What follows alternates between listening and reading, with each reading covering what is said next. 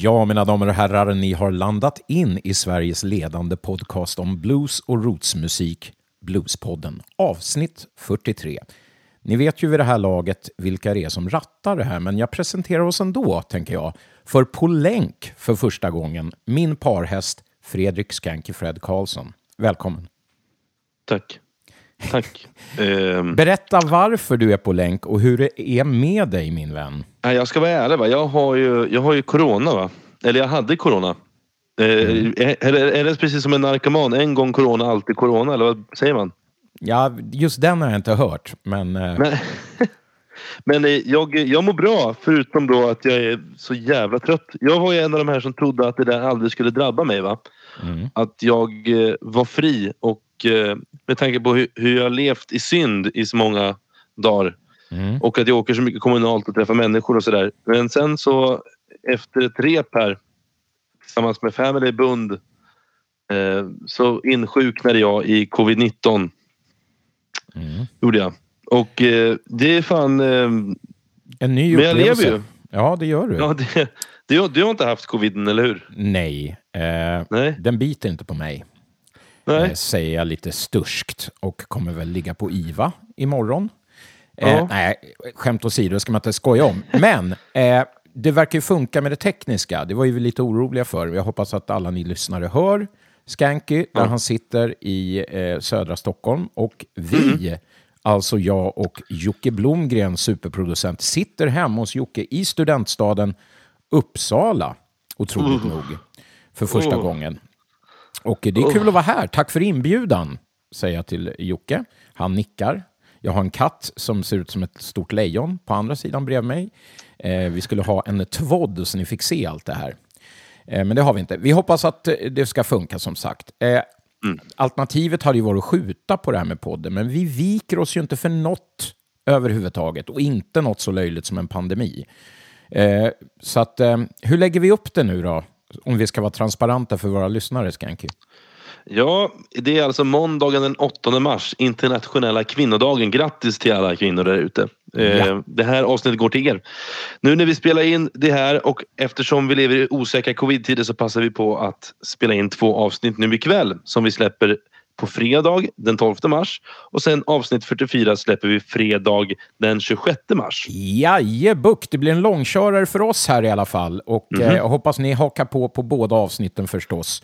Bra respons på senaste avsnittet har vi fått och vi är tacksamma över den hjälp som ni har bidragit med via Swish. Eh, Vår vädjan om sponsring och betalda samarbeten fortsätter ju såklart. Så hör av er till oss på vår mail, bluespodden gmail.com så tar vi det därifrån helt enkelt. Och eh, ni får ju för, fortsättningsvis såklart också hjälpa oss via swishen då, som ni har gjort så snällt. Eh, gör oss glada på det här numret, 0766 117 144. Fredrik, hur ser episod 43 ut? Eh, ja, jag skulle haft en SSS men eh, det, det blir ju ingenting från min del. Har du någon SSS? Nej. Och vi ska Nej, väl säga för nytillkomna lyssnare att SSS står för Starsa sen sist, där vi brukar Precis. berätta vad för roliga spelningar och sånt vi har haft sen vi spelade in Precis. senast. Och det har vi inte haft. Nej, du skulle ha spelat i ingenting. Malmö. Ja, men det blir ingenting så att vi skiter i den. Vi Ja, går vi rakt i in den. på blues. Blues på fem minuter istället. Och sen är det musik med dig den här gången Tommy. Ja. Bluespodprisintervju som jag har gjort med en medlem från, medlem från årets band. Sven Zätas lilla parlör. Veckans spaning med mig då. Och sist ut som vanligt från norr till söder. Vi kör nu! Hej!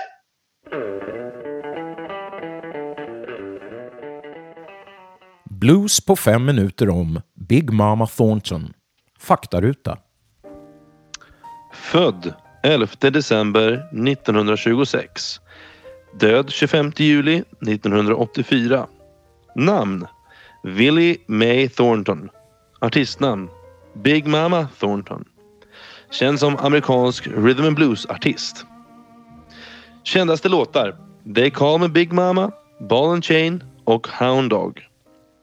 Till dig som är nybörjare och vill undvika fuj-stämpel. Hon var först med att spela in Liber och Stollers legendariska låt Hound Dog år 1952. Låten stannade kvar i sju veckor på Billboardlistan för Rhythm and Blues och singeln såldes nästan i två miljoner exemplar och var ett anthem för svart kvinnlig power. Thorntons mamma gick bort när hon var väldigt ung. Låten Hound Dog är Big Mama Thorntons original men är kanske mest känd med artisten Elvis Presley. Big Mama utmärker sig själv med en karaktäristisk mörk röst som är stark och kan välta berg. Hennes sångstil är tungt influerad av just gospelmusik som hon växte upp med att lyssna på. Stora artister har tolkat hennes låtar genom åren. Bland annat gjorde Janis Joplin låten Ball and Chain till en hit bland en bred kommersiell publik.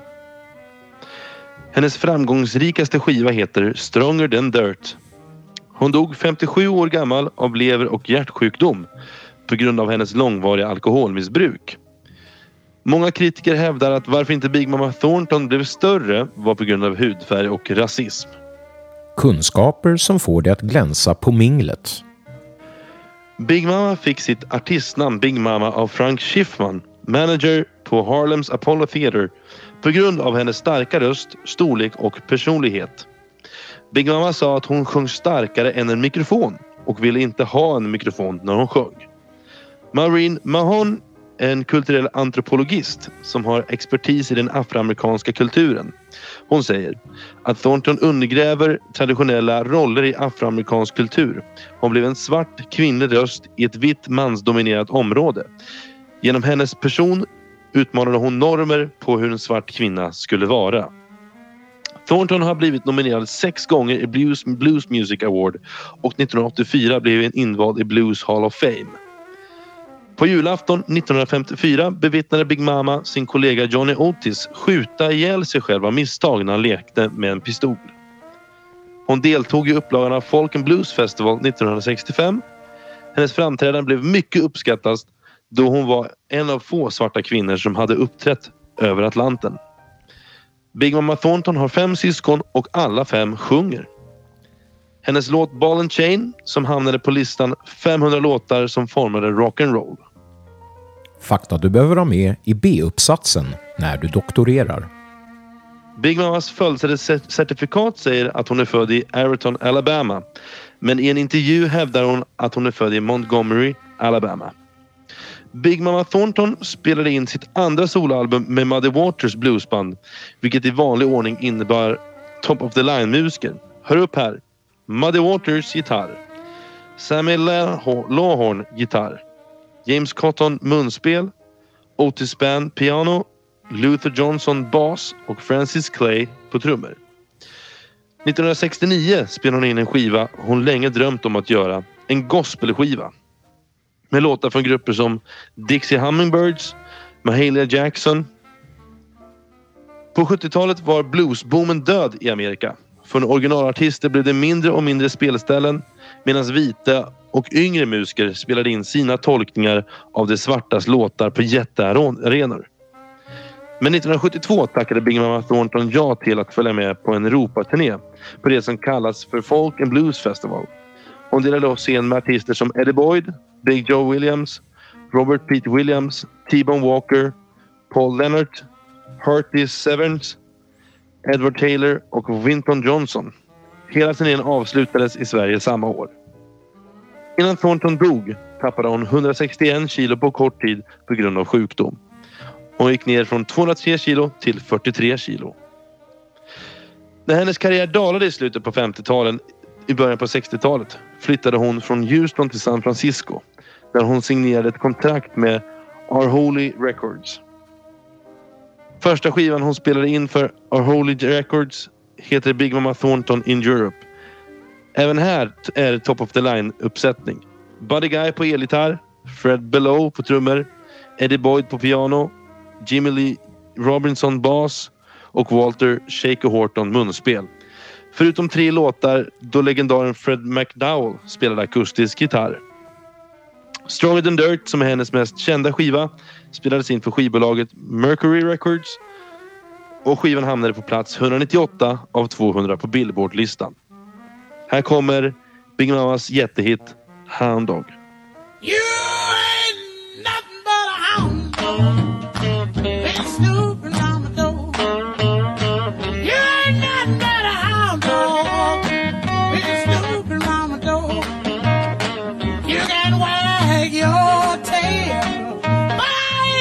Feed you no more.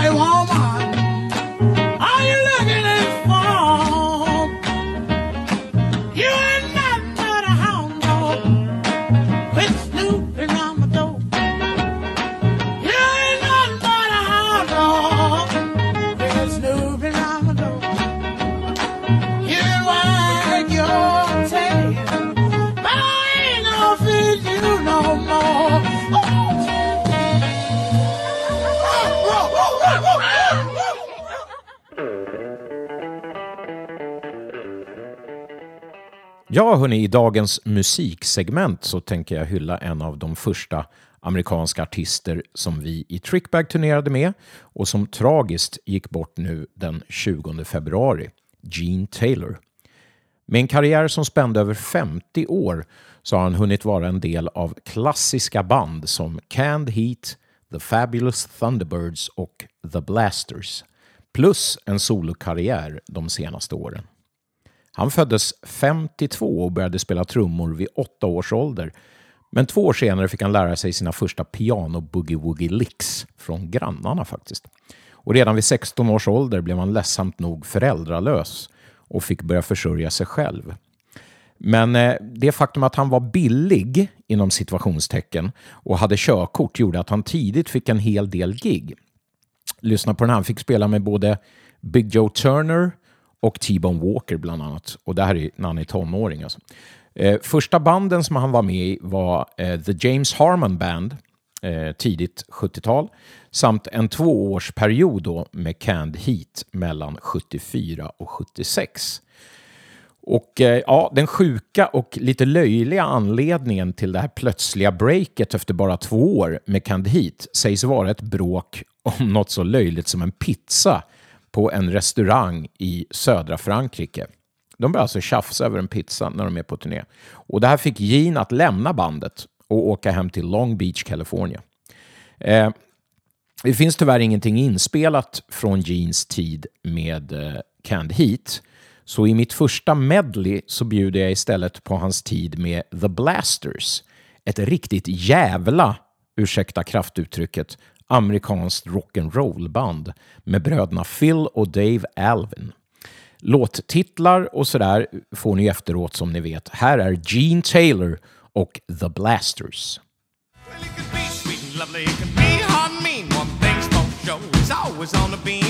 They wanna hear some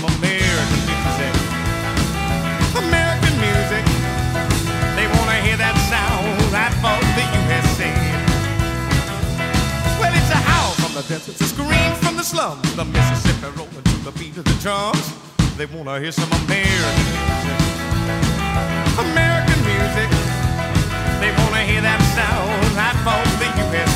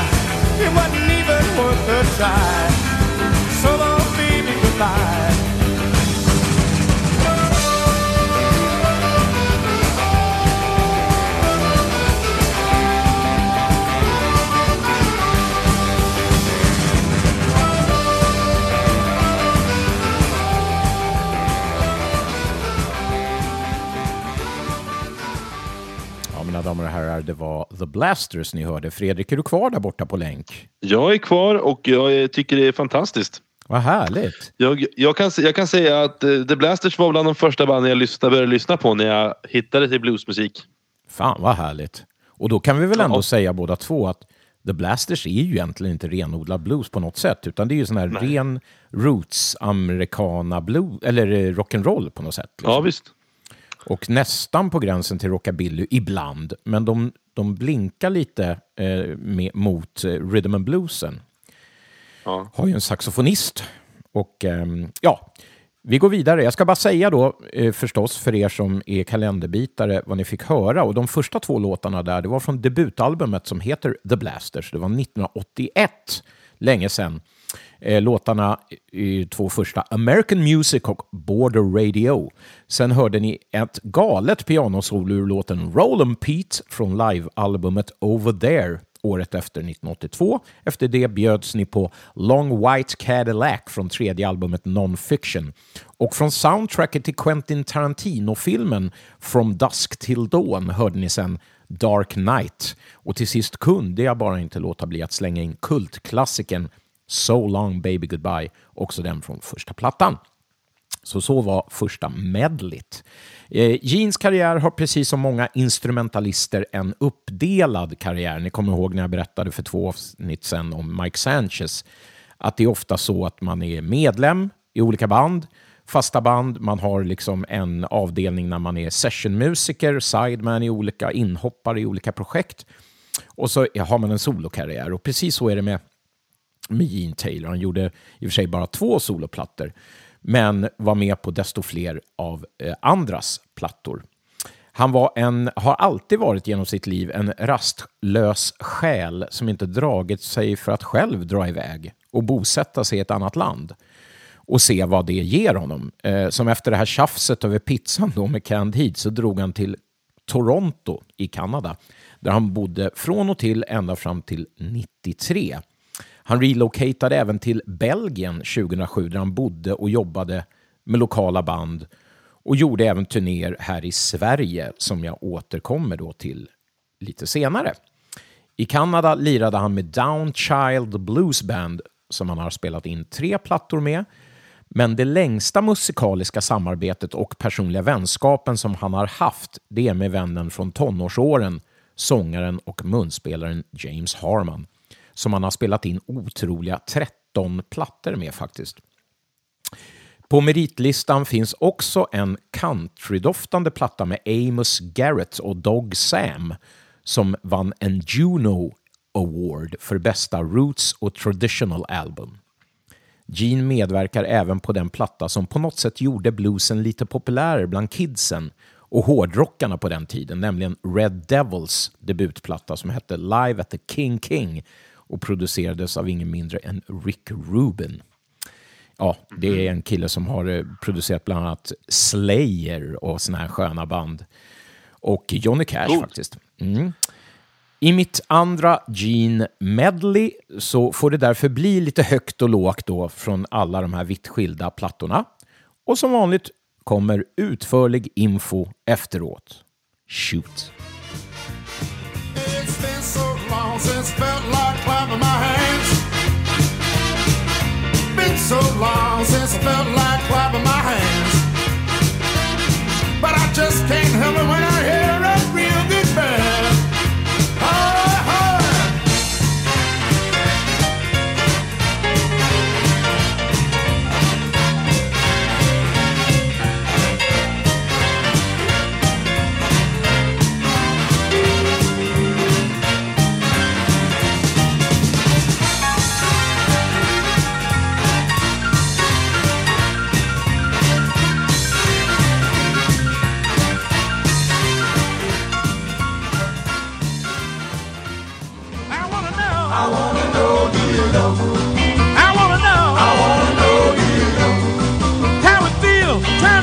up, huh? And how to make a dime. I wanna know, do you know? I wanna know. I wanna know, do you know? I wanna know. I wanna know, do you know? How it feels having trouble with your loved one all the time. I wanna know, do you know? It make you feel like messing up. It make you feel like messing up. It make you feel like messing up. It make you feel like messing up. You're so, so true because of you. Because of you. It make me feel like messing up.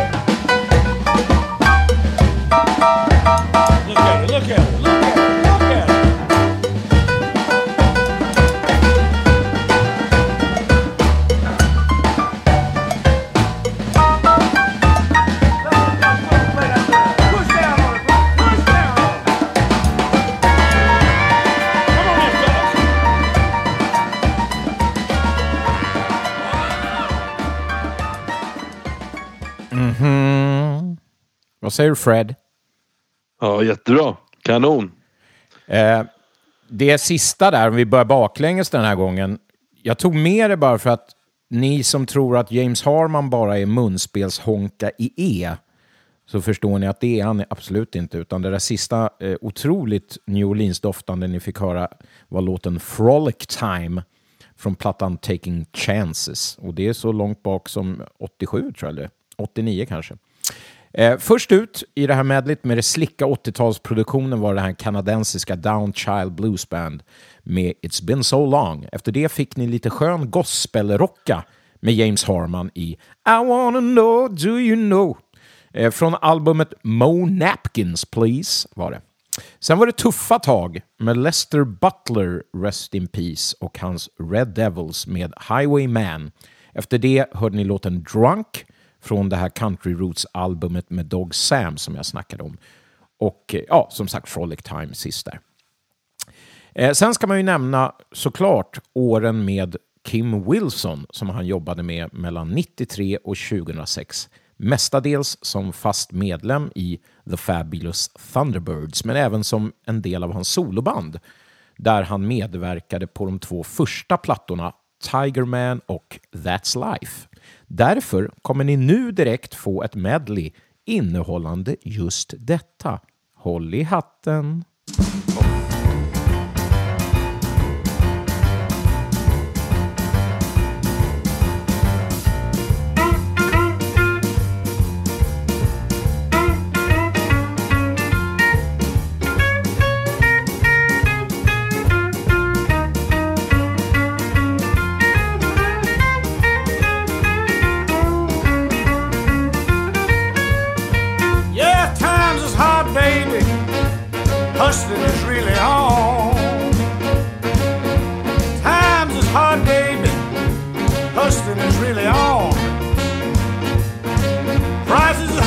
Now, darling. All the good jobs are gone.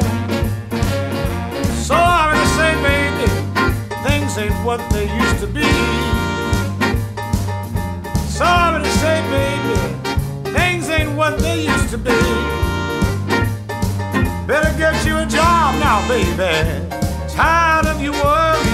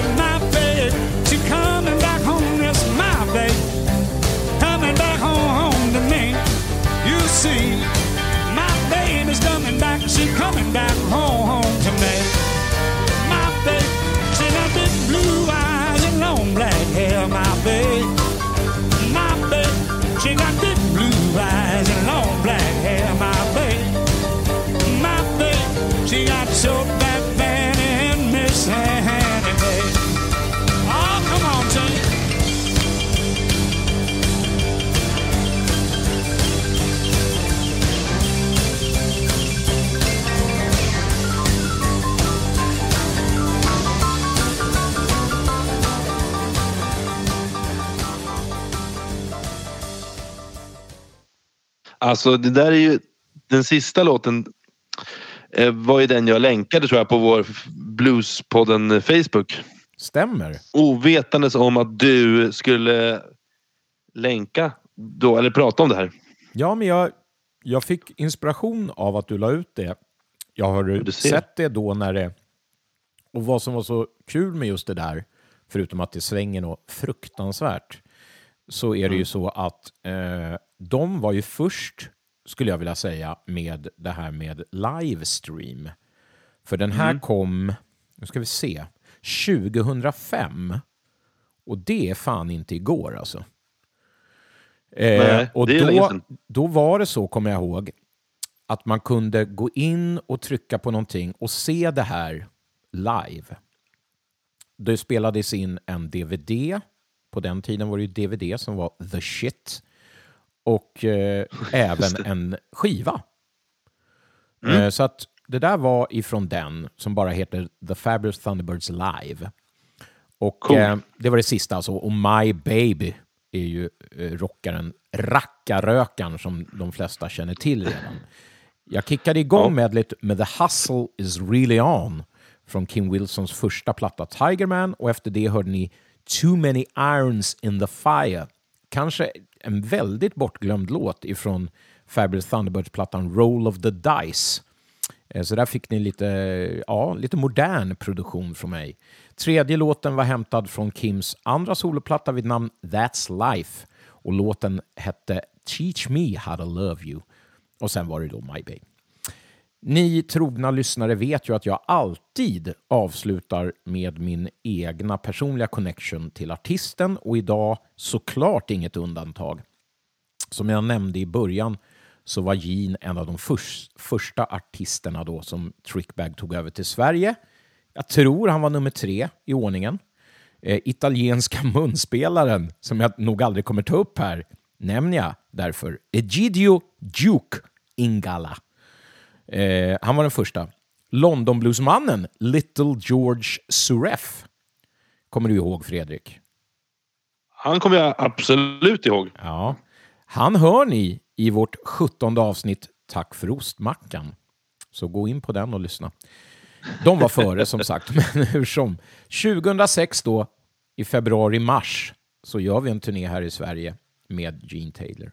Och gig som jag kommer ihåg, så här på rak arm, är Karlskoga Bluesfestival. Har ju du varit, eller hur? Ja, absolut. Sen fanns det någonting ute i Järfälla, yttre, Stockholms allra yttersta Jaha. områden, som hette är sant. Järfälla Jazz och Bluesfestival. Där var Okej. vi. Eh, Hudiksvalls Folkets hus, där jag vet att Radio P4 Gävleborg spelade in gigget. Men jag kom ju Mhm. inte åt det på grund av en uppfuckad hårddisk som Lars Näsman Okej. har lämnat in någonstans. Eh, men någon gång, kanske vi, vi kan rädda den inspelningen. Eh, Gene då som person, jag kommer ihåg honom som trevlig men galet pratsam.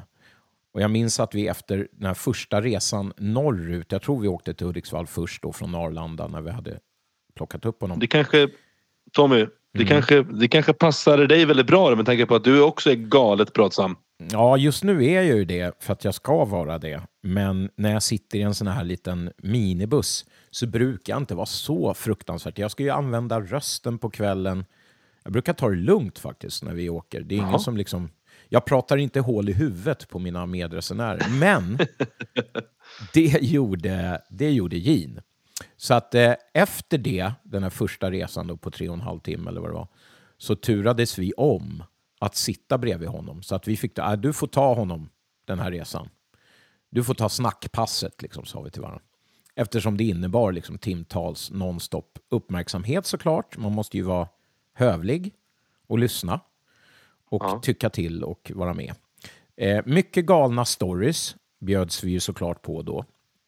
Och en liten anekdot av alla de där tusen som han drog påminde faktiskt mig Lars Näsman om häromdagen. Jag pratade med honom i telefon så sa han, men kommer du inte ihåg när, när vi satt där så berättade Gene att han har varit på turné med den legendariska blues-shouten, rhythm and blues-shouten Roy Brown.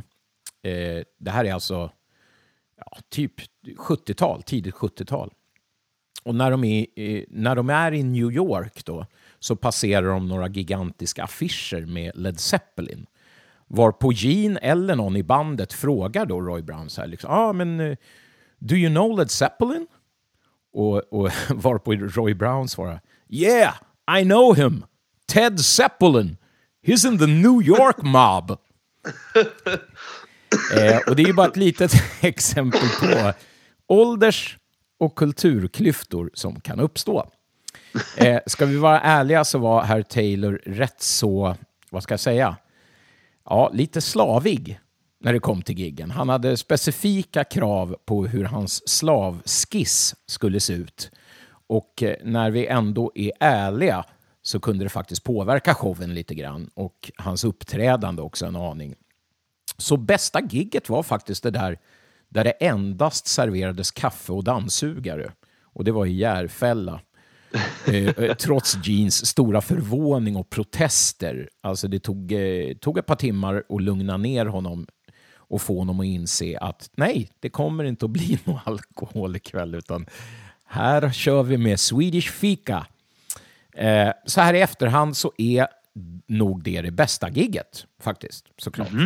Ja, eh, säger ju en del.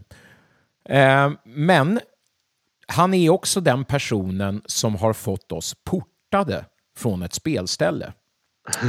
Och tillika ett av våra absoluta favvoställen, nämligen Akkurat här i Stockholm. Som vi Oj. inte var välkomna till på över två år efter vårt gig med Gene. Eh, då kändes det ju förstås fruktansvärt, men nu kan vi garva åt det och Gene gjorde ju såklart ingenting medvetet.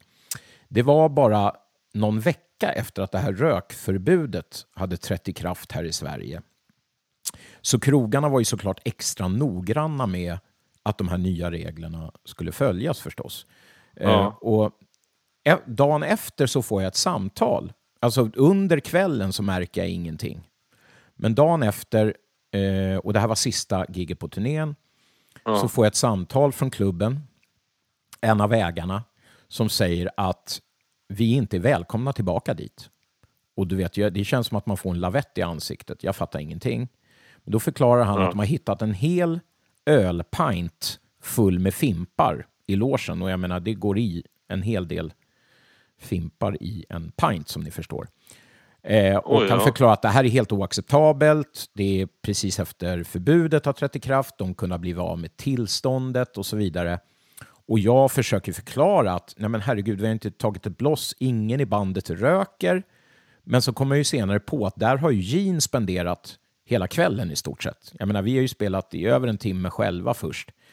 Han har tagit in fans, han, han, han har haft liksom en privat liten fest där inne. Eh, Ja. Och eh, han gjorde dessutom sitt bästa för att tömma deras single malt och Budweiser-förråd. Vilket kanske inte hjälpte till i slutändan.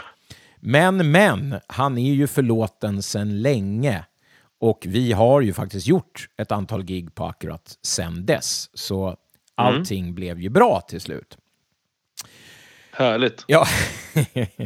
ja, det var lite skrämselhicka ett tag eh, där, i ett par år faktiskt. Vi fick böna och be att få komma tillbaka.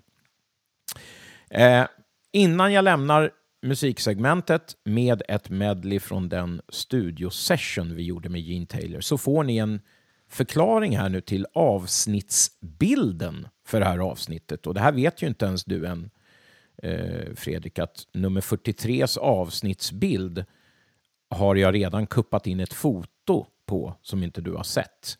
Men jag förklarar det för, för lyssnarna, för när det här kommer ut då kommer även avsnittsbilden finnas ute.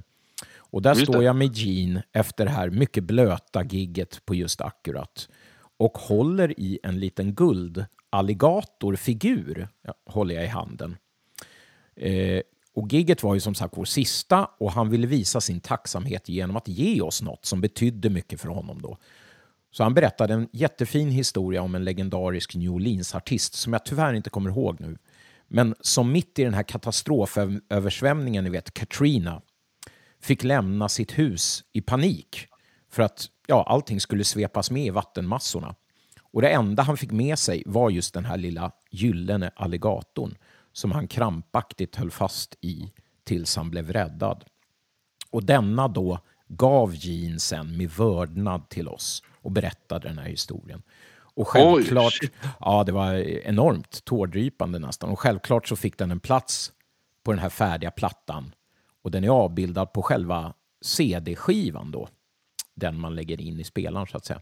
Så kolla ni som har den här skivan så, så ser ni den här. Eh, så nu till sist då Trickbag med Gene Taylor från plattan Taylor Made 2006.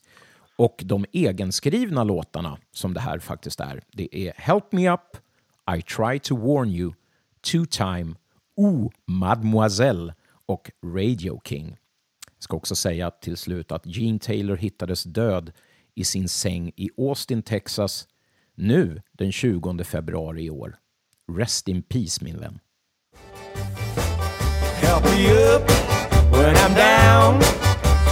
Lot of crazy people around. Well, help me up when I'm down. A lot of crazy people around. They say you love them and you leave them.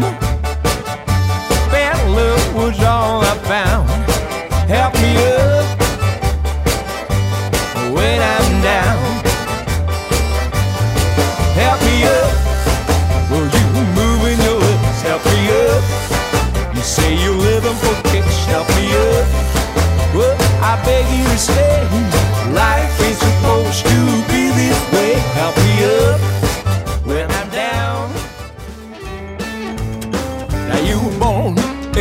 jungle, raised in a lion's den. You tough cookie mama, but that don't mean a thing. You claim you live the high life, but girl, you're not the only one. Now don't come any closer, or I'll pop you with my gun. I'm gonna badmouth you, baby. I'm gonna put sugar in your gasoline. Well, now I ain't trying to warn you. I baby, just you wait and see.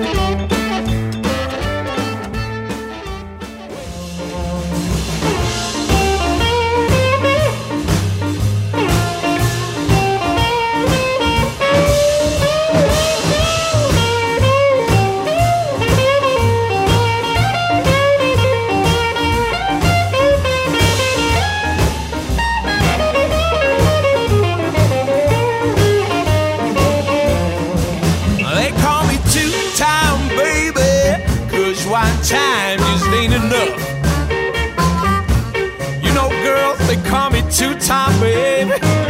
Cause one time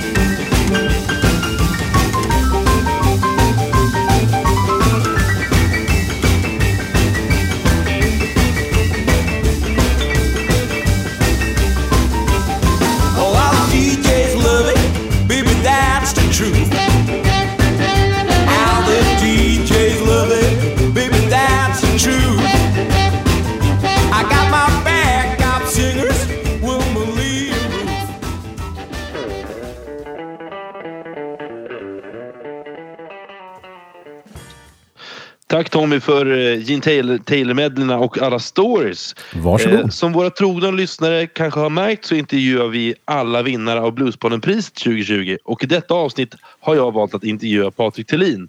Han är oss bekant via bandet Lisa Lystam Family Band. Och Lisa Lystam Family Band vann ju kategorin som Årets band. Och eftersom det är sällan vi pratar med trummisar så tänkte, tänkte jag att jag tar tillfället i akt och gör detta. Så jag intervjuade faktiskt Patrik när vi, när vi var nere i Malmö och spelade. Eller vi skulle ju varit nere i Malmö och spelat. Eh, Men det vart ju ingenting. Så att, eh, det här kommer en telefonintervju med Patrik i Lisa Lystam Family Band. Enjoy! Läget? Jo men du, det är bra. Hur mår du själv? Det är kanon. Det är kanon. Du sitter ju här med anledning att eh, vi i Lisa Lystam Family Band vann Bluespodden-priset 2020 kategorin Årets band. Ja, Eh, det är ju det är jätteroligt. Eh, speciellt eftersom det finns så otroligt många bra bluesband i Sverige. mm, Och eh, kanske eftersom att vi också inte är renodlad blues. Som, nej. Precis. Det, det stämmer. Det är faktiskt helt... Jag håller, jag håller helt med dig. Men vi, vi, vi hade ju faktiskt turen att spela jävligt mycket under 2020. Ändå.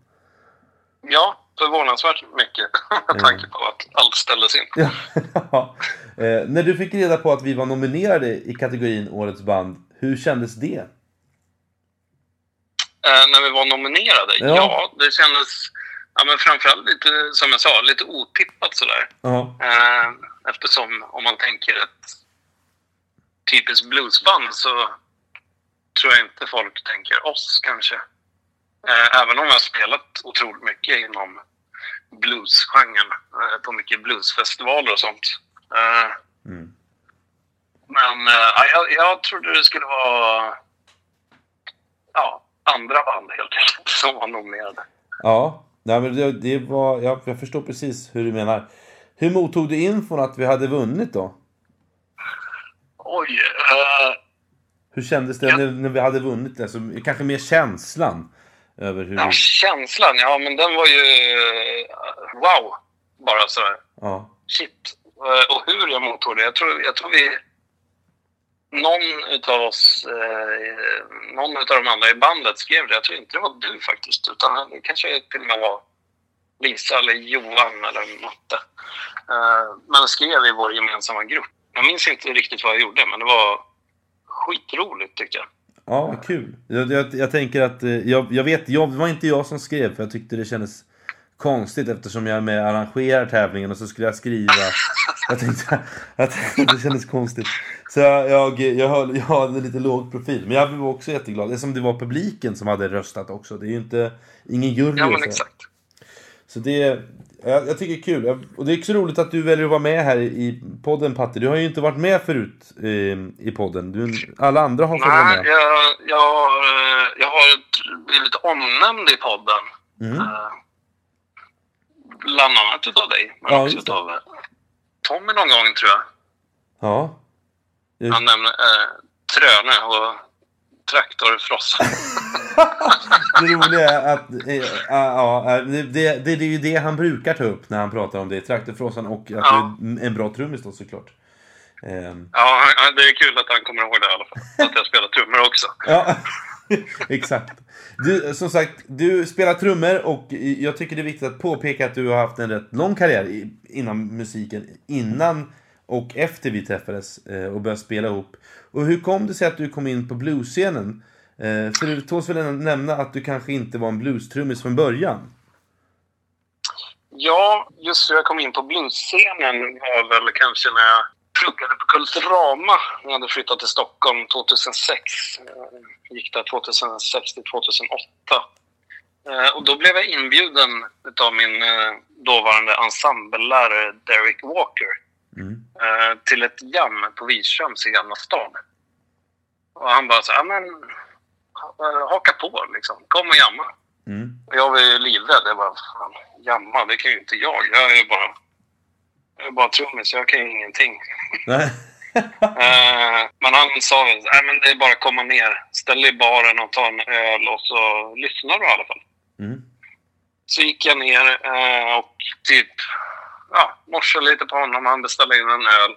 Och sen så sa han bara så här, ja men och nu på scenen kommer Patrik och ska spela trummor. Ja. Och jag fattade ju inte att det var jag från första början. Eh, men där blev jag sittande i några timmar. Och vid varje låt då var det, då var det bara så här, men ja, okej, vad är det här för låt? Är det en shuffle? Är det en slow blues? Vad, vad är det för någonting? Ja. Och till sist blev Derek lite trött på mig. Han bara, ah, var bara tyst och så lyssna. Du, du grejer det här. Ja. ja, det känns väldigt han. Ja, men eh, ja, ja, han litade väl på att det skulle lösa sig. Mm. Och du gjorde det? Ja, helt okej. Jag, jag tror jag hängde där varje tisdag i, ja, i alla fall ett års tid.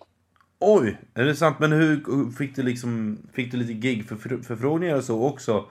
I och med det, det jammet, eller hur? Ja, men det dök väl upp ett och annat. Jag var bland annat med Derek i Ukraina en sväng eh, och turnerade några dagar. Just det, var precis när det hade öppnat upp, eller hur var det? Ja, det var väl... Eh, jag, tror, jag tror man behövde visum för att komma in i Ukraina Ja. eh, just då. Men det hade väl ganska nyligen öppnats, öppnats för alla liksom. Så himla speciellt. Ja, eh, och framförallt när man kom dit och man tyckte så här, oj jäklar vad varmt det är. Man går runt i kortbrallor och t-shirt och eh, de går runt i vinterjackor och fryser. Man bara kollar snett på oss och bara, är ni sjuka i huvudet? Ja, shit. Ja. Men eh, jag tänkte på just det här med, med blues. Hur lång tid tog det? Om det var, om det var 2006, 2007 sa du. Eh, sen tog det ytterligare fem år innan du faktiskt träffade eh, Lisa då. Så vad, vad, vad hade du spelade du runt på de här jammen då? Som finns här i Stockholm innan? Eller var du med, var du med husbandet lite grann också? Eller hur funkar det? Ja, alltså däremellan, jag har ju spelat eh, allt möjligt. Alltså coverband i Baterski i Sälen. Jag har suttit och lirat mingel, jazzgig, spelat eh, neo soul och hiphop. Men också att jag har suttit i hus, hoppat in i och vickat i husband på jam i Gamla stan och sånt där och även varit en, en ordinarie på eh, Sankta Clara eh, på söndagar där Just det. och ganska länge. Så att, ja, det har ju, det är klart att är man ute i svängarna då, och syns, då kommer det gigförfrågan efter ett tag. Ja, ja men så är det. Det är ju det är väl essensen av att få spela, att man är ute och syns. Så att folk... Syns man inte finns man inte, eller vad brukar man säga? Exakt. Men har du spelat någon blues inom i, i din familj hemma när du var liten? Och sådär? Ja, bluesen har väl kommit in lite senare, alltså just den renodlade bluesen. Men mm. farsan har ju delat gitarr och dansband. Mm. Och då är det liksom 50-60-tals rock. Mm. Så där, där har väl glidit in en och annan bluesdänga utan att man kanske inte har tänkt på det. Mm. Eh, men som man har vuxit upp med. Ena syrran är sångerska. Så hon... Men det, det har ju mest varit så här pop och rock liksom. Ja. Men ingen, ingen renodlad blues i familjen så. Nej, jag fattar. Hur tror du det har format dig som musiker att hamna i ett, i ett sammanhang som just blues? Om du inte kommer från den bakgrunden från, från början? Ja, jag vet inte riktigt hur mycket bluesen har format mig mer än att... Eh, mer än att jag har kanske fått upp ögonen för lite mer artister. Utan jag- Jag tror snarare att jag försöker klämma in eh, mina egna egenskaper i bluesen Ja, jag fattar. snarare. Alltså eftersom att jag, jag gillar att mixa sounds, jag gillar att stämma om trummor, jag gillar att... Ja, men, effektsymboler. Jag, och att kanske om jag lägger på ett percussion-spår på skiva Ja. så vill jag gärna försöka spela det live också. Ja. Eh, och ibland funkar det, ibland funkar det inte alls. Eftersom att det ja, man har för få händer liksom. Ja. Eh, ja. Eh, och ibland är det så här, koordinationen skiter sig ibland. Men, Ja, men eh, ja, då, då får man helt enkelt göra en live-version. Ja. ja, det får man verkligen säga att du är väldigt noga med att eh, försöka få med dig det som du spelar in på platta live. Till Ja, varje pris. jag, jag, jag, tycker det, jag tycker det fyller en funktion, Mm. helt enkelt. Mm, jag fattar. Vi i Family Band har ju verkligen byggt något från grunden. Vi har ju byggt tillsammans och du har ju precis som jag, vi var ju, var ju med från start kan man ju säga. När vi startade med Family, just Family Band-konceptet. Jag tänkte kolla, vad, vad har det betytt för dig att bygga något från grunden eftersom du kom från ett, en frilansande karriär. Ehm, och, och sen så helt plötsligt så var du med ett band och började bygga upp det. Vad, jag tänker, vad har det betytt för dig? Jo, men det har ju det har betytt väldigt mycket. Eh, från början, ja men precis eh, som jag snackade om tidigare, så då var vi ju kanske vi lite mer renodlad blues, eller att vi hade standard tolvor Ja. i repertoaren. Det var ju liksom merparten av repertoaren. Ja. Som vi antingen försökte göra liksom rättvisa och försökte spela dem traditionellt. Andra försökte vi kanske, ja men vi, vi försöker tweaka till dem lite grann för att det ska bli vår låt. Ja. Eh, men vi gled ifrån det ganska snabbt och började skriva egen musik. Eh, Ja. och då tror jag att vi hittade liksom en bra mix eh, med tiden. Att vi, ja, men alla bidrog med, med det bästa de kunde liksom, för Ja. att göra musiken bättre. Mm. Och sen tar det ju även, alltså, precis som det kan vara i början eh, i musiken, att det kanske är lite rörigt. Ja, men då kanske det var lite rörigt utanför scenen också. Mm. Eh, för det tar ju ett tag att hitta sina roller. Mm. Eh, ja, men till exempel att någon, någon bara räcker upp handen. Ja, men jag, jag tar ansvar för att boka flyg den här gången. Eller Mm. Mm. någon pratar med scenansvar. Mm. I början var ju det lite, lite mer att det låg hos till exempel Lisa. Mm. Hon, hade, hon gjorde allt. Men Mm. Precis. ju mer spelningar vi fick, desto rörigare blev det ju. Mm. Eftersom att det är mycket för en person att ta hand om. Ja, verkligen. Det får man ju säga. Det, hon, hon, har kämpat, hon jobbade verkligen stenhårt eh, med det. Ja, Tills vi, exakt. Och slashasar åkte, vi åkte bara med. Precis. Nej, men sen gjorde det mycket också att vi eh, fick in Sören, vår bokare, Ja, ja verkligen. som tar hand om allt runt omkring. Mm, ja, precis. Nu, nu gör inte vi så mycket. Nu åker vi mest bara med. Ja, nu är det, nu är det bara lyxhotell och privatjet. Och, Precis, privatjet ja, precis. Ja.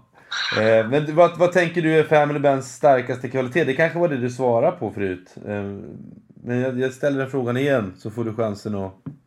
mm, ja, ehm, nej, men den starkaste kvaliteten är väl liksom att vi kan resa långt och vi kanske inte är överens om allting. Man kan ha sina skitdagar. Men så fort vi kliver upp på scenen, då är liksom allt grönt. Mm. Vi vill bara upp och leverera. Fint! Ja, men det är fint. Vad, vad tänker du är vår musikaliskt starkaste kvalitet då? För det var ju lite mer off, off, off sådär runt omkring. Men jag tänker rent musikaliskt, vad tänker du är vår starkaste kvalitet då? Eh, nej, men att vi alltid försöker leverera. Att det blir alltid någonting nytt. Till och med saker som vi kanske har bara så bestämt att nej, men så här ska det vara. Ibland får någon bara feeling och ja, men vi kör en runda till eller vi hakar på mig, vi gör ett nytt slut. Alltså att vi försöker ju hela tiden hålla det fräscht. Mm. Och levande? Ja, Ja, exakt. ja verkligen. Äh, kul! Spännande! Eh, kan du berätta något? För det är alltid kul att höra. Och det känns alltid roligt att ställa den här, just den här frågan. Eh, Mm. men kan du berätta något av dina starkaste minnen du har med oss? Eh, kanske det bästa och, eller det värsta? Ja, men det, det är väl kanske... Um, Sweden Rock är ju liksom... Sweden Rock Festival är ju ett sånt minne. Det, det värsta minnet? Exakt.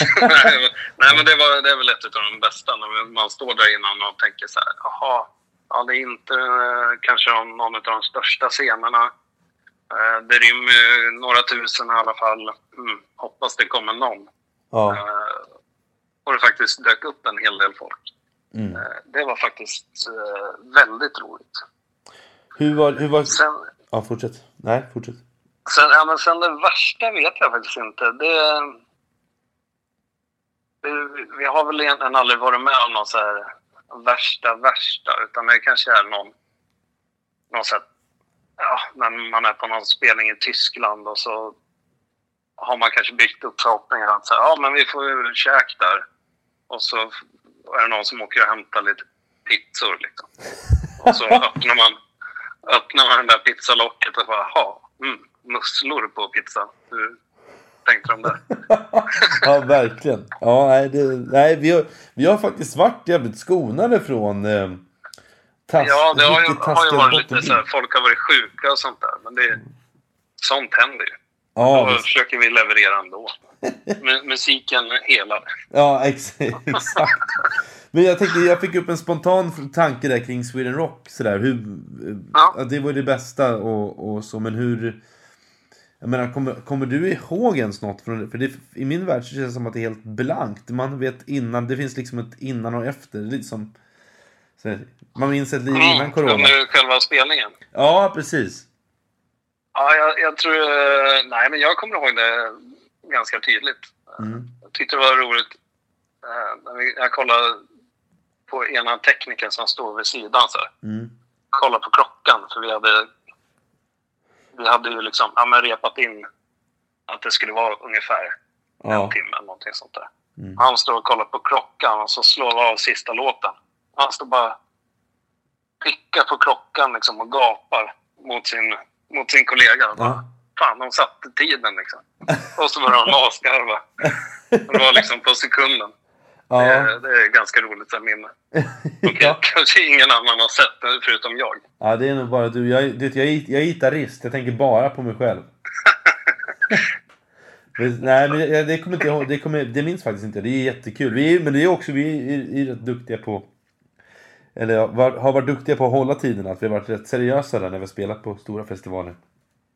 Ja, nej, men det, det är ju andra som ska på. Man vet ju hur viktig den tiden är. Ja, visst. visst man, har, man har Eh, stått, 20, 20 minuter för att ändra om hela scenen. Det är inte... Det är inget att leka med. Liksom. nej. Men eh, sista fråga här då. Hur ser framtiden ut för dig och bandet? Eller oss? Vad har du för förhoppningar på 2021? Vi har ju kommit ett kvartal in nu. Ja, eh, nej, men det är väl ungefär som... Alltså förhoppningarna är ju skyhöga. Men om man ska tar ner det lite på jorden och ser till verkligheten, då, då kanske 2021 kommer att bli ett väldigt lugnt år ändå. Mm. Med tanke på allt som har hänt. Ehm, så ja, alltså. Får vi några spelningar så är jag asglad. Men hur, hur, känns, hur, hur känner du... Hur känns det inför att kanske få ett till lugnt år? Känns det bra för dig eller, tycker du, eller blir du stressad av den tanken? Jag kanske stressad över att inte spela. Ja. för Det är ju det är ju typ det bästa som finns. Ja. Eh, Men man får väl bara acceptera att läget är som det är. Ja. Det är bara att härda ut helt enkelt. Eh, Vi får väl skriva lite eh, nya låtar. Mm. Kanske göra en skiva. Någonting sånt. Mm. Det vore ju trevligt. Det vore mycket trevligt. ja, men du Patte, tack så mycket för att du var med. Ha det gott! Ha det gott vänner. Hej då! Your love for me will always be.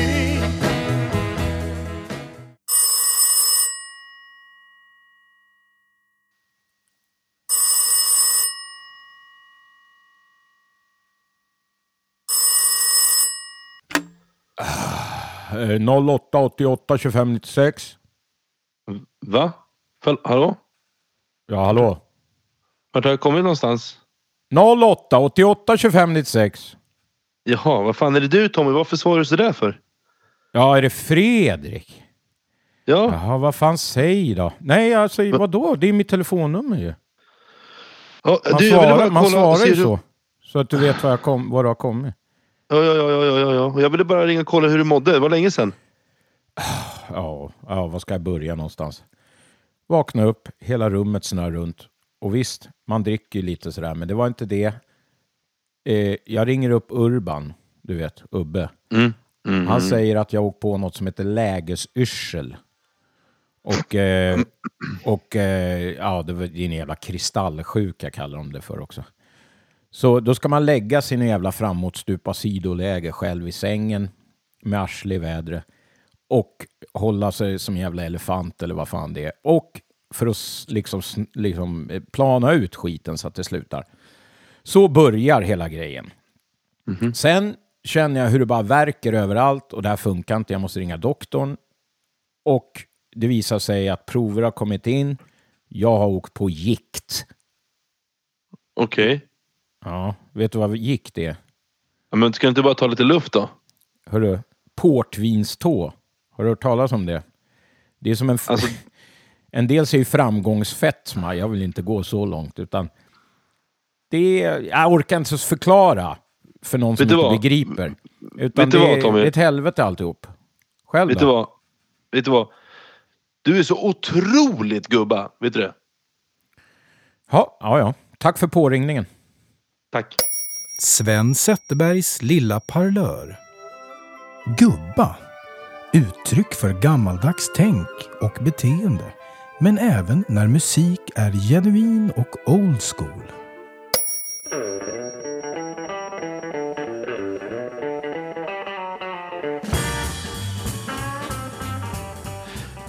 Det är nu dags för veckans spaning Tommy. Ah, och härligt. det är min tur att köra en spaning. Är du intresserad? Alltid. Åh, det är ett ämne vi har vidrört tidigare.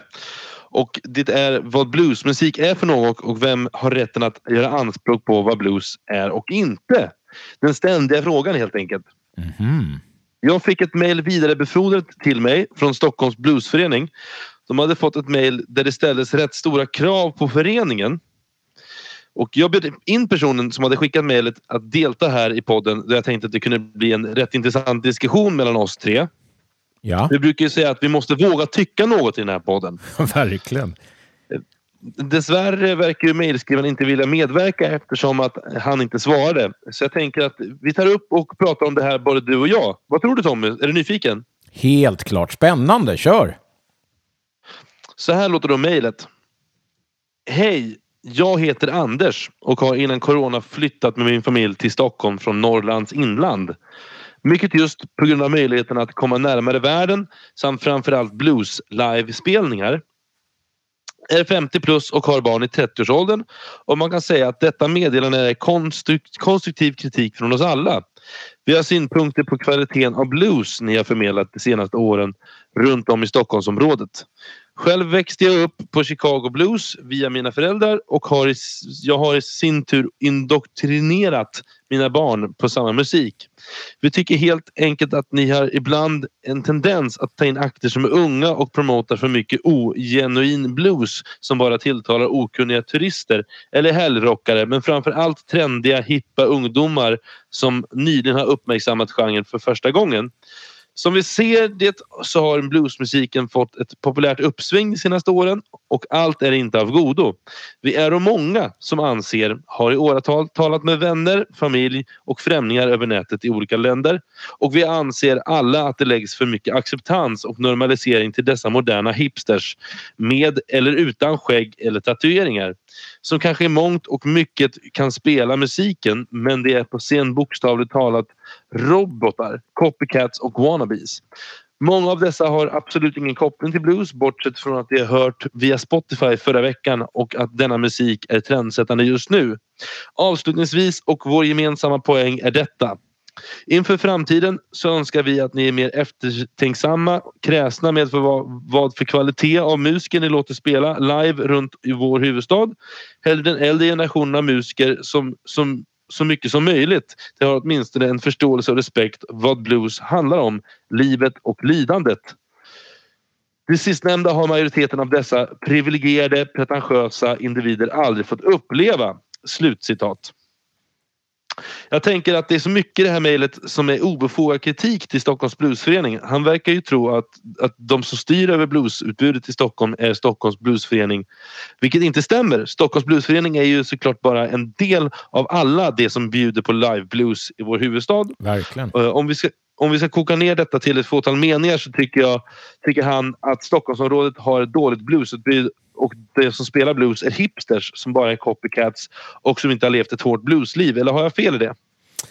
Eh, nej, det är så han eh, beskriver det. Och jag noterar också att den här mejlskrivaren eh, beskriver att bluesmusiken fått ett populärt uppsving de senaste åren och att moderna hipsters spelar den för att denna musik är trendsättande just nu. Ursäkta att jag skrattar, men just de där grejerna tycker jag är lite komiska för att det är Ja. bara rena faktafel. Ja, Varsågod. verkligen. Eh, jag tycker det låter som att personen inte har varit ute i Stockholmsnatten och lyssnat. Nu är det lite svårt då, eftersom att alla spelningar är inställda, men jag tänkte innan corona. Jag personligen upplever att kvaliteten har ökat i vårt område och fått en nytändning med alla ungdomar som springer eller sp- sprang på jammen. Till skillnad mot hur det var när jag började spela. Eh, det var ju relativt hög kvalitet då också, men inte i närheten av vad, det, vad den är just nu kan jag känna. Nödvändigtvis behöver man inte gilla det uttrycket som just kanske unga musiker förmedlar då det ibland kanske drar till ett mer rockigare uttryck. Eh, eller att man kanske blandar in lite andra influenser. Eh, som jag tolkar det vill personen också att det ska vara mer genuin blues och då tolkar jag det som att det ska vara eh, rock, eh, lite mer Chicago blues då, Texas blues eh, sådär. Eh, och han tycker nu att det är ogenuin blues som bara tilltalar turister. Och då undrar jag vilka han tror ska betala Stampen, Wirström, Sankta Klaras blues och bluesbarens hyra. Det är ju var turisterna som gör det eh, till stor del. Faktum är att bluesscenen är för liten här i Sverige och i Stockholm för att det bara ska vara Chicago blues med gubbar som har haft ett tufft liv. Marknaden är ju helt enkelt inte så stor. Eh, om man tycker gubbabluesen är den bästa bluesen och verkligen bara vill höra det, för det respekterar jag. För självklart finns det den, det högkvalitativa utbudet i vår huvudstad också. Eh, men då, då kanske man ska välja eh, vilken kväll man går ut på. Helt enkelt. Man kanske ska välja en kväll där till exempel Urban Allstar spelade du, spelar också Tommy eller Williamson Blues Band eller kanske välja att gå på ditt bluesjam Tommy än att gå på någon annans. Eh, för ja, då kan man ju få det här bluesutbudet men det kan ju vara lite hipp som happ om man då kanske glider in en fredagkväll på Stampen. Då kanske man får en annan typ av bluesmusik som man inte förväntat sig. Men, men det går ju att kolla upp innan så det finns ju ingen... Vi behöver inte ens gnälla på det. Verkligen inte. Eh, på konstaterandet att unga människor inte har upplevt något lidande och misär undrar jag hur han vet det. Hur kan man i förväg veta vilken typ av liv någon har levt? Eh, det finns de som 18 som har upplevt mer skit än vad han säkert har gjort, tänker jag. Kan tilläggas också att inte ens i Chicago själv spelas den blues som han önskar. Det är ju jävligt ogubba blues som spelas i staterna generellt. Kan Verkligen. jag tycka. Och det har ju vi skämtat om förut. Att det är mycket femsträngade basar, basketlinnen. Ehm, jag tänker att i kontrast till staterna och övriga Europa så är vi ovanligt bra på att förvalta det gamla arvet, på gott och ont. Eh, och kanske istället för att kalla, kalla de personerna som gör det, inklusive dig Tommy, för copycats och wannabes så handlar det ju om att ni vill visa respekt mot en tradition, tänker jag. Verkligen, Eh, verkligen. Det jag dock gillar med att vi unga spelar både gubba och ogubba blues är ju det att det kanske finns andra unga som får upp ögonen för det uttrycket. Vilket är fantastiskt, eller hur Tommy? Verkligen. I hear you och jag håller med i typ allt du säger. Eh, men få, för att få då lite spänst i diskussionen så petar jag in att det som kallas blues och som framförs på våra scener för mig, nu är det bara för mig då såklart, personligen behöver ha någon form av förankring, det har vi pratat om många gånger, och koppling till liksom det afroamerikanska uttrycket i botten. Jag menar inte att det ska låta, vi kan inte låta så, men det ska finnas någon koppling långt bort där. Man ska höra att den finns. Annars så tycker jag att det blir urvattnat och kan och kanske bör kallas för något annat.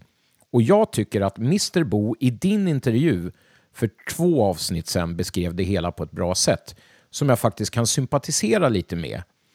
Och för er som inte hörde det så lät det så här.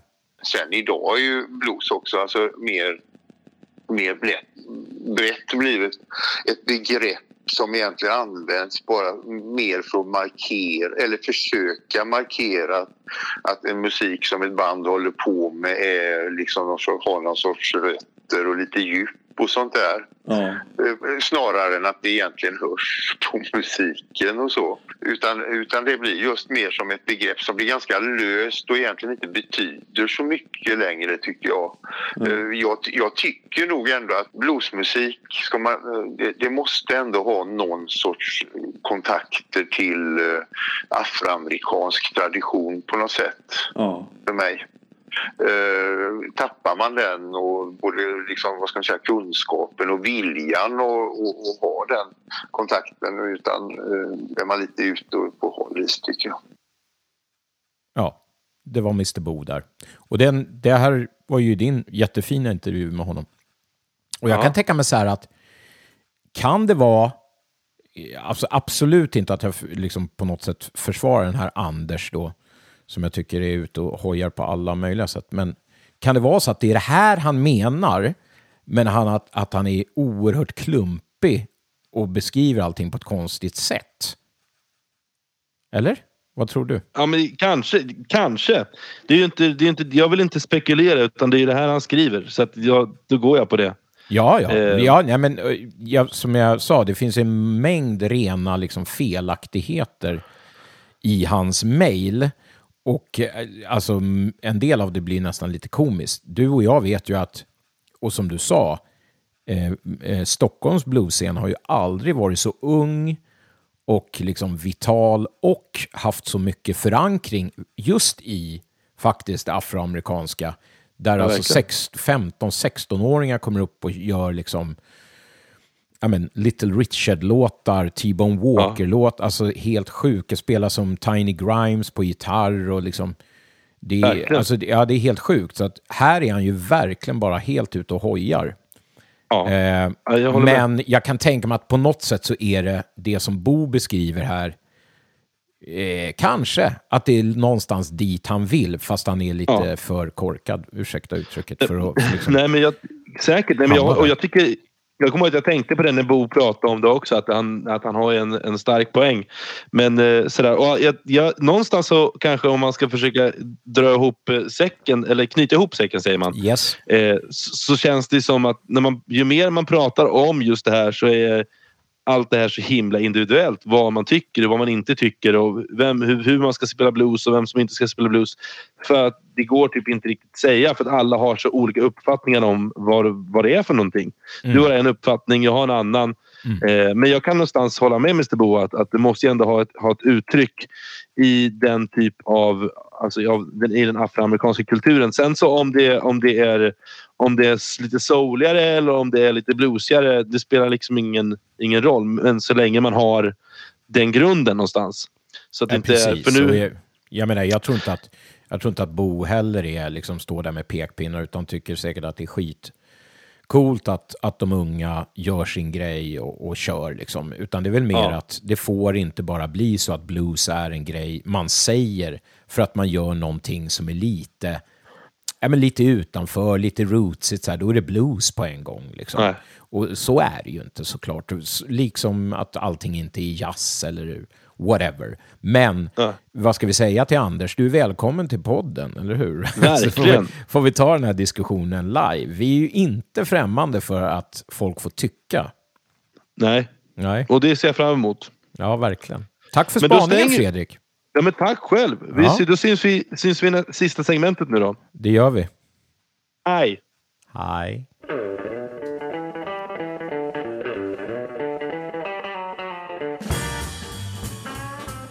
I denna veckas Från norr till söder har vi tagit bluesmobilen till Örebro. Där gitarristen Janne Schaffel Hermansson bor och verkar i bandet Kung Botes kapell. Kanske det bästa bandnamnet jag hört 2021. Janne har dykt upp en del på våra jam här i Stockholm, framförallt på dina Tommy. Eh, och du har till och med bokat honom som jamledare, eller hur? Eller vad, vad säger du? Jo, det stämmer. Eller rättare sagt Janne och hans munspelande vän Timo Tilly. Eh, Ja. Båda då från Örebro. De har eh, faktiskt eh, med hjälp av oss då såklart fått hålla i ett bluesjam på Sankta Clara med den äran och kommer att få göra det igen så fort den här skiten släpper. Ja. Och eh, jag har då valt rumban Reminder från deras skiva Botemedel. Eh, jag tror det blir svårt att få en rulla i bakgrunden så vi får helt enkelt sammanfatta i tystnad idag. Vad säger vi om avsnitt 43 Tommy? Ja, säger, vi ska inte recensera oss själva för du blir så arg då och det vill inte vet jag vara. Eh, men alltså, vi får väl se vad vår eh, superproducent kan göra med den här rumban. Han kanske kan få underverk att hända så att ni hör någonting redan nu när vi pratar. Ja. Jag tycker att det var spännande att få spela in på en annan ort. Ja. Eh, jag sitter här hemma hos ett eh, underbart trevligt par i Uppsala. Eh, Ja. I deras hemdomäner. Faktiskt, jag sitter i ett gästrum. Och det är... eh, Och just att prova på det här med att en av dig och mig är på länk. Ja. Eh, är ju spännande. Och, och hoppas att det har funkat nu då, lys- lyssningsmässigt för er. ja, verkligen. Ja, men det tror jag att det har gjort och det har ju varit mycket bra musik idag med Gene Taylor. Och det har Ja. varit en spaning. Ja, spaningen var, eh, tar jag ju med mig förstås. Eh, Anders Ja. som inte heter Anders får jättegärna höra av sig till oss två. Ja, Och verkligen. han får väldigt gärna komma in och det handlar inte om att vi ska skjuta honom i knäskålarna utan bara prata och ha trevligt förstås. ja, vi har väl lite frågor bara. Ja, såklart. Vi vill ju gräva Ja. lite djupare i folks åsikter. Och sen eh, eh, jättebra eh, Big Mama Thornton, stor favorit såklart. Jättebra fem minuter om, tycker jag. Sitter jag och recenserar ändå här.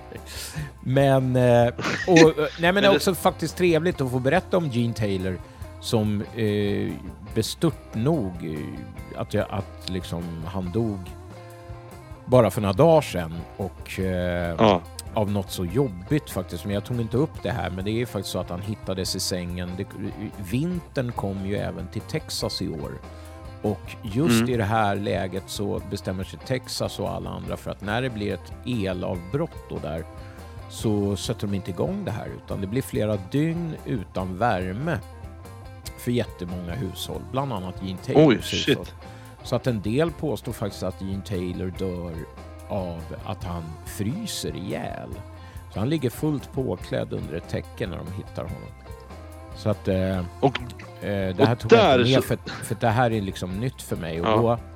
då, eh, hans kompis som hittar honom har alltså skrivit till ansvariga politiker att ni har dödat min, min absolut bästa vän. Jag, vet att, jag vill att ni ska ha med er era jävlar. Liksom. Och jävlar. det är såklart att de går ju fria från det. Det är ju ingen som sätter dit dem. Men eh, så kan det vara i USA och i Texas då. eh, Där faktiskt Ja. de är ovana vid vinter. Men herregud, du måste ju se till att, att el och värme fungerar. Vilket de inte gjorde där. Så så jävla illa, illa kan det bli. Rest in peace Gene Taylor och så, så syns vi om två veckor. Vad säger du Tommy? Det gör vi. Förlåt att jag avslutar på så tråkig, med så tråkig ton. Men det Gör har varit kul, det ingenting. varit kul att köra igen. Och eh, det är Ja. speciella tider, så är det. Verkligen. Och så- Men sen, vi, ska, herregud, vi ska det- spela in... Ja, förlåt. Nej, vi ska spela in ett till avsnitt direkt efter här ju. Det har vi Ja. lovat. Men ska vi Så ta jag tycker bara vi en liten, klappar ihop nu. Ska vi ta en liten kisspaus bara? Så Ja, vi kör gör vi det. igen. Vad säger du? Det blir bra. Vi syns. Men hörni, Hej, hej! Boteskapell! Woo! Reminder. Sometimes you need a reminder when